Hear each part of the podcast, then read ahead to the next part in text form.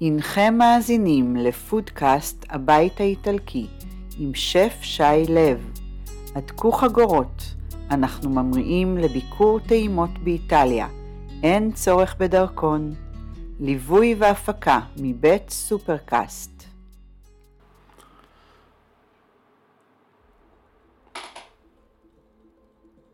טוב, לילה טוב לכם, ושבוע טוב. ברוכים הבאים לתוכנית הפודקאסט הבית האיטלקי, שיוסיף טעם לחיים שלכם, שבו הפעם אנחנו נדבר על מאכלים מרומא העתיקה. גם מהמודרנית, על לילות ארמונות רומא העתיקה והבירים והנסיכות, על קרפצ'יו ואוסובוקו וכיוצא באלה. כאן בקצה המיקרופון שי לב, שזכיתי להכיל עשרות, מאות סועדים רעבים מסביב לכדור. כדור הארץ כמובן, מאיטליה ועד אוסטרליה, מאילת ועד צרפת. בתוכנית הבית האיטלקי נדבר על אוכל, טעמים, חוויות, כך שהאזהרה היחידה שלי אליכם היא שלא כדאי לשמוע אותי על קיבה ריקה. ראו הוזהרתם. ואם אתם לא מבינים עדיין למה, סוף הפרק תבינו. אתם מוזמנים להיכנס ולשתף את דף הפייסבוק והאינסטגרם שלנו העונים לשם באנגלית Italian Foodcast, וכמו כן לערוץ היוטיוב שלנו, לתוכניות משידורים קודמים. וכמובן לאפליקציית ההאזנה המועדפת שלכם, Spotify, Apple Music, Google Music וכיוצא באלה, שם תעקבו ותהיו חברים, שימו subscribe. שתפו את המשפחה והחברים שאוהבים לבשל, לארח ולפנק עם אוכל טוב, ומי יודע, אולי הם יפתיעו אתכם ממשהו שהם למדו פה. וכמובן, כנסו לאתר הבית שלנו www.italian-house.co.il של הבית האיטלקי ברחובות.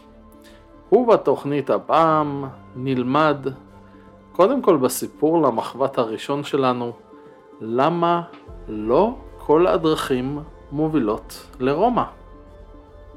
אז ככה, אחרי שסיימתי את השירות הצבאי שלי, התחלתי ללמוד בזמנו בבית ספר אה, בישול אה, תדמור בהרצליה. אה, במהלך הלימודים שלי תכננתי שיום אחרי סיום הלימודים אני אגיע לאיטליה, אכבוש אותה. ואני אציע את עצמי בתור סטאג'ר במסעדה, וכך אני בעצם ארכוש את הידע הקולינרי הנכסף שכל כך רציתי. טוב, אוטוטו אני רוכש את כרטיס הטיסה לרומא, one way, ופתאום ידידה, אה, בעצם דרך ידידה טובה שלי, הגיעה הצעה שהיה קשה לסרב לה. יומיים אחרי סיום הלימודים בתדמור, לנחות בארצות הברית ולעבוד בתור סו-שף, סגן שף למי שלא יודע, בקייטנת נוער בפנסילבניה, הסאמר קמפ. בקיצור, כרטיס עליהם ואפילו כמה דולרים בסוף. אמ, בקיצור, כזה כמה חודשים לטייל אחרי זה. טוב, אז רומא תיאלץ לחכות, זה היה פעם ראשונה. טוב, לפחות תהיה לי בכל עיר באמריקה את ליטל איטלי. ובאמת טסתי ונהניתי מאוד מהעבודה שם, וגם מהטיול לאורכה, רוחבה של ארצות הברית וקנדה, ככה במשך חצי שנה. טוב, חזרתי לארץ מתוך uh, מטרה, לעבוד קצת. אז uh, ירדתי בעצם לאילת, לעבוד במלונות שם, לחסוך ולטוס לרומא, לסטאז' המיוחל. אבל כמו באיזה סרט טורקי ישן, הגיעה הצעה נוספת, שהפעם גם ידידה אחרת פשוט, שהציעה לי לטוס יחד איתה לטיול סובב עולם, דרך אה, תאילנד, נפאל, גולת הכותרת הייתה בכלל יבשת אה, שכוחת אל בשם אוסטרליה, וביקור אפילו בניו זילנד. אה, אפילו פיג'י והוואי. טוב, אז רומא תיאלץ לחכות פעם שנייה. טוב, במהלך הטיול, לשמחתי יצא לי לעבוד גם באוסטרליה וגם בניו זילנד במסעדות איטלקיות. נו טוב, לפחות זה. איזה נו טוב פולני יצא לי. כשחזרתי לארץ עם הניסיון הקולינרי האיטלקי העשיר שצברתי מכל העולם, כבר היה בוער לי לפתוח אה, את הקטרינג האיטלקי שלי, על פי ההגדרה שלי לאוכל איטלקי. אה, וזו הסיבה שלי למה לא כל הדרכים מובילות לרומא. ומוסר השכל מהסיפור למחבת הוא שלא כל הדרכים מובילות לרומא. טוב, נמשיך בחידון של הבית האיטלקי. אה, חידון ראשון, לכם המאזינים, קרפצ'יו. מה מקור השם? נותן לכם כאן שלוש אפשרויות. אחד, קרפצ'יו באיטלקית זה נע, כי בקרפצ'יו בדרך כלל החלקים שמוגשים נעים. קרפצ'יו באיטלקית זה קר, הוא פשוט מוגש קר וצונן. והשלישי זה בכלל על שם אה, ונטורה קרפצ'יו, שהיה צייר שהמומחיות שלו הייתה ציור באדום. כי תשימו לב, בדרך כלל זה פילה בקר, או טונה טריה, או סלק שהם אדומים. טוב, אנחנו נמשיך ותשובה נכונה תהיה בהמשך. אז ככה, המון פעמים שאני אומר לאנשים שהמומחיות שלי בבישול היא איטלקית, ישר אני שומע, או, פיצות, פסטות. אז ככה, נכון שבגלל סיבות כשרות, רוב המסעדות האיטלקיות בארץ הן חלביות. אבל אה, בואו נדבר על זה. יש מאכלים בשריים מדהימים איטלקיים. מנתחי אוסובוקו, שתכף נדבר עליהם, ואפילו תקבלו מתכון להכין אותם. וקרפצ'יו פילה בקר, וכמובן רגו מבולוניה, שבטעות קוראים לו בארץ, בארצות הברית, רוטב בולונז לפסטה. אוי ואבוי אם תסתבכו עם מישהו מבולוניה שתגידו לו את זה. טוב, ויש גם מנות אה, שהן ורסיה שלי, שאני יצרתי נניח, כמו קורדון בלו פפרוני, שזה איזושהי ורסיה לאמנה הצרפתית בכלל, שאתם אה, יותר מאוחר תשמעו עליה בסיפור למחבת, וגם בריסקט עגל מעושן, שאני מגיש עם רוטב שנקרא צ'ימי פסטו, שכמו השם זה בעצם צ'ימיצ'ורי בגרסה האיטלקית עם בזיליקום ותפוזים. בקיצור, על הבסיס הבשרי בניתי בעסק שלי בזמנו דולצ'ה ויטה ובימים האלה זה הבית האיטלקי ברחובות, יש את התפריט ארמונות רומא העתיקה, שזה בעצם אה, איזשהו רעיון של הארוחות של הנסיכות והאבירים מימי הביניים, ממש עם נתחי בשר שלמים ויין נשפך כמו מים, ובאמת מומלץ, ויש אה, עוד תפריט שנקרא ארוחות שחיתות בסיציליה, שהיא בעצם זה ארוחת מנות מצולחתות מוגשות לכל אורח כמו במסעדות עיליות באמת בדרום איטליה, מה שרואים בסנדק או ב... במקומות אחרים, בסרטים אחרים, ושני התפריטים האלה בעצם מכילים מנות בשריות בלבד, כך שבהחלט אפשר ארוחה איטלקית של בשר והרבה. טוב, לפני שנמשיך למנת האוסובוקו, אני חייב לכם חוב מהקרפצ'יו. אז קרפצ'יו, על שם מה?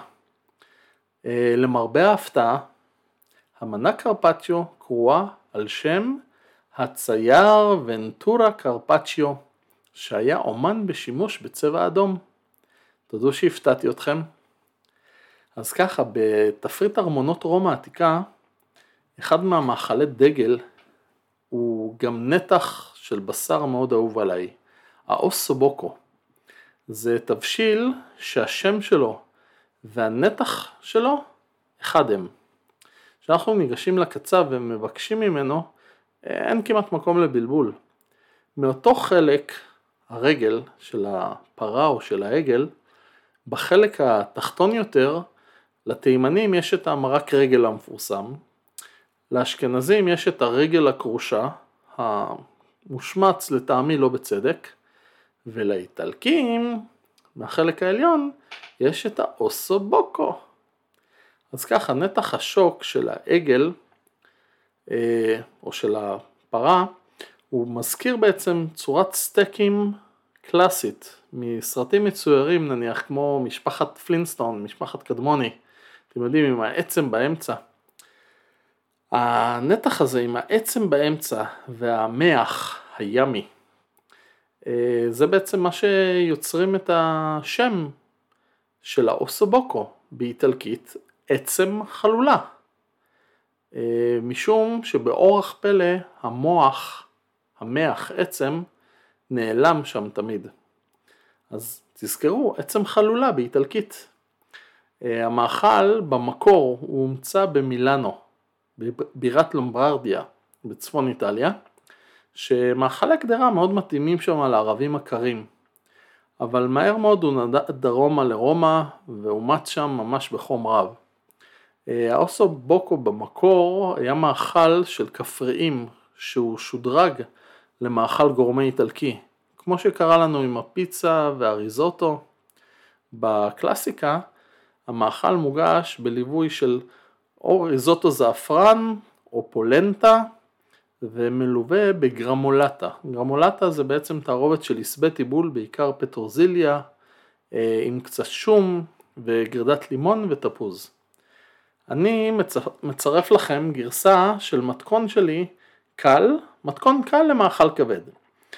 אז ככה, המתכון מופיע בדף הבית שלי, שבאנגלית בפייסבוק אתם יכולים למצוא אה, שף שי לב, ואתם תמצאו אותו בפייס תחת אה, מילון האלף בית של הבית האיטלקי ברחובות. באות א', או סבוקו. דרך אגב, באות ב' אתם תמצאו את הבריסקט עם הרוטב צ'ימי פסטו. אז ככה, מומלץ בחום להסתכל. אה, אני מקריא לכם המצרכים וכמובן כל הדברים האלה יופיעו לכם בפירוט של, ה, אה, של כל הפרק הזה. אז ככה, המצרכים לארבעה או שישה סועדים זה שני קילו של אוסובוקו פרוס, שזה יוצר לכם בין חמישה לשישה נתחים, זה תלוי מאיזה חלק לוקחים, מאוד תלוי. אה, אתם עוד צריכים גם חצי כוס של שמן זית לשימון של הבשר, שני בצלים בינוניים חתוכים לחצי, ארבעה גזרים שהם חתוכים גס לרוחב אה, כמו למרק של קוסקוס. מכל גזר זה משהו כמו 4-5 חתיכות וארבעה גבעולי סלרי אה, חתוך לגודל של אצבע, אה, קרישה אחת חתוכה לטבעות אבות, שתי כוסות יין אדום יבש, אני מעדיף קיאנטי אבל אפשר גם מרלו או קברנה,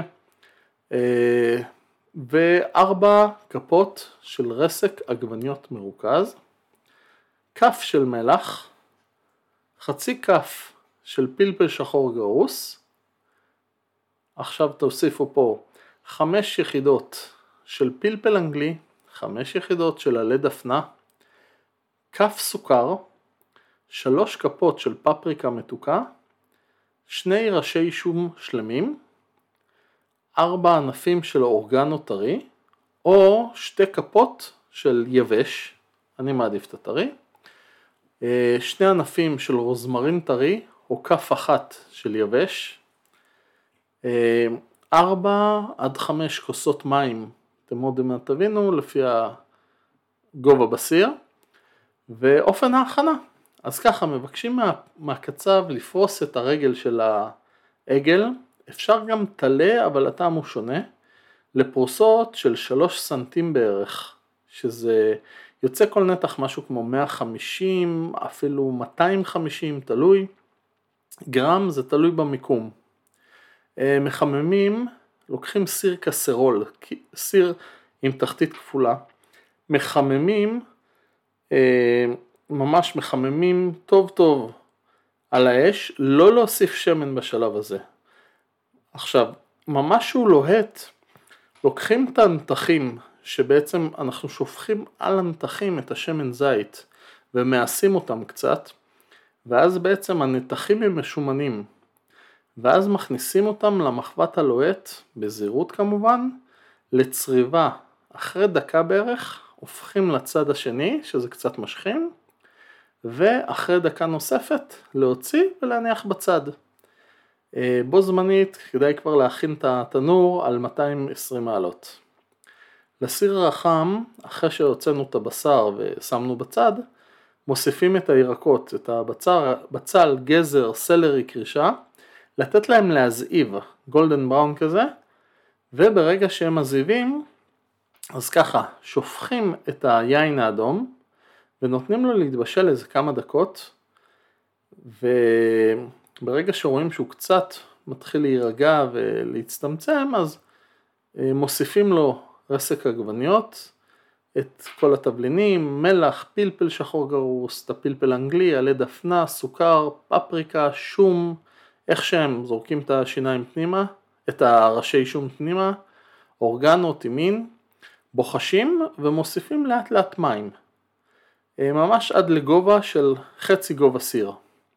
כשהרוטב רותח, אז בודקים את הטעמים ומתקנים, רואים איך זה נטעם לנו. אה, תזכרו שזה עדיין מצטמצם וזה עדיין אה, לא להוסיף יותר מדי, לא להוסיף יותר מדי מלח. להוציא את כל הנוזל החוצה לקערה ולשמור בצד.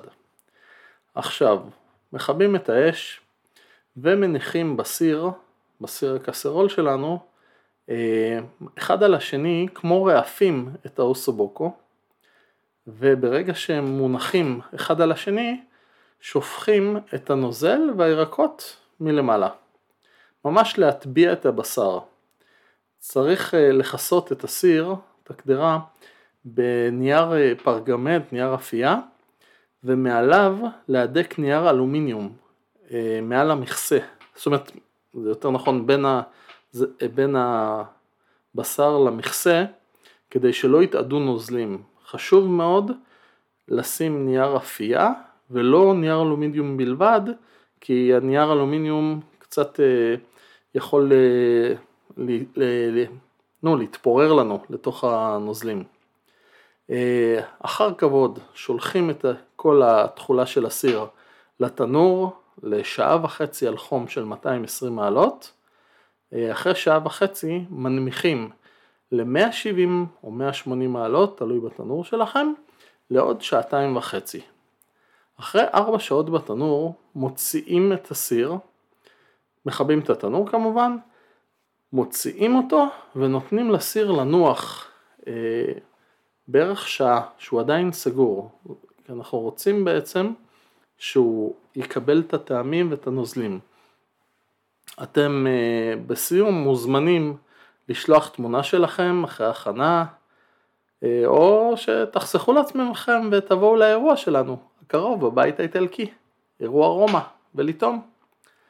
אה, ממש בימים אלה אני מתכונן לקראת אירוע שהוא בסגנון רומא. אנחנו נערוך בקרוב בביתנו ובעצם יחגגו בו נסיכות ואבירים עם גלימות ותפאורה והכל, ממש במשתה עם המגוון בשרים הזה. ומצאתי את עצמי אה, ממש אתמול בבוקר אה, מדבר עם אה, אחד החבר'ה בטלפון לגבי הבשרים בשעה מוקדמת של הבוקר. וזה ישר זרק אותי למקרה שהיה לי לפני 20 שנה בערך, שכך היה. סיפור למחבת, מאלי ופלטת הבשרים.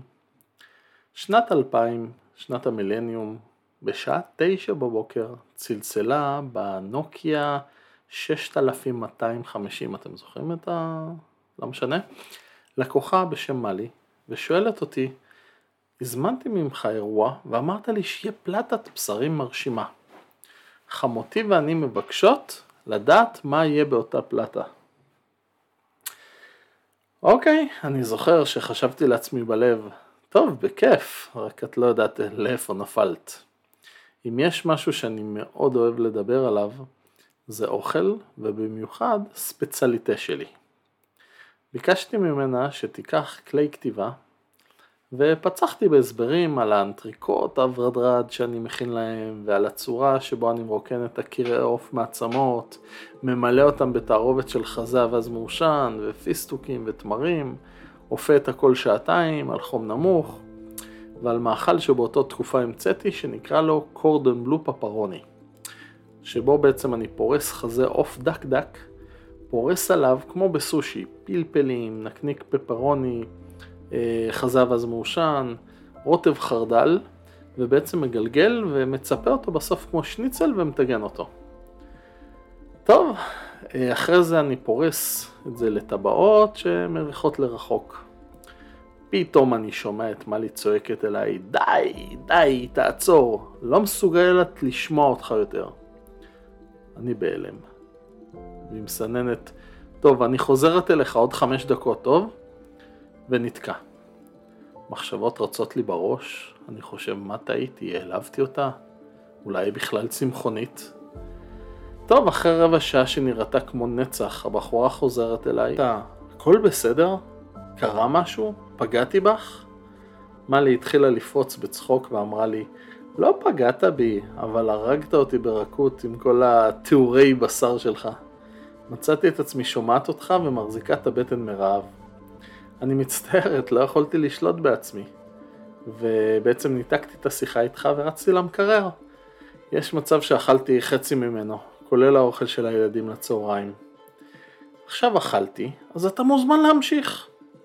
צחקתי גם אני והמשכתי בעוד איזה הסבר קצר, ונפרדנו לשלום. שנייה לפני שנתקע מלי, היא אמרה לי, תלמד לאבא להזהיר את הלקוחות שלך שלא לבקש הסברים ממך על קיבה ריקה. מוסר ההשכל מהסיפור למחבת הפעם, לפני שאתם מאזינים או מדברים איתי, תאכלו ארוחה דשנה. טוב, ואנחנו מסיימים עוד uh, פרק של הבית האיטלקי, הפודקאסט שלנו, שבפרק הבא שלנו של הפודקאסט הבית האיטלקי, אנחנו נדבר על ונציה, על הגונדולות, על הפסטיבל מסכות והרבה הרבה מסתורין. נלמד גם על מקור השם ארנצ'יני ועד כמה הוא קשור לוונציה, למרות שבעצם הוא נולד בסיציליה. אז uh, שמעתם עוד פרק של הפודקאסט הבית האיטלקי, מבית סופרקאסט, שבו זכיתם לבקר ולאכול באיטליה בלי להחתים דרכון. עקבו אחרינו לפרקים נוספים בפייסבוק, באינסטוש או בכל אפליקציית פודקאסט למיניהם. arrivederci, ביי. הנכם מאזינים לפודקאסט הבית האיטלקי עם שף שי לב. הדקו חגורות, אנחנו ממריאים לביקור טעימות באיטליה. אין צורך בדרכון. ליווי והפקה מבית סופרקאסט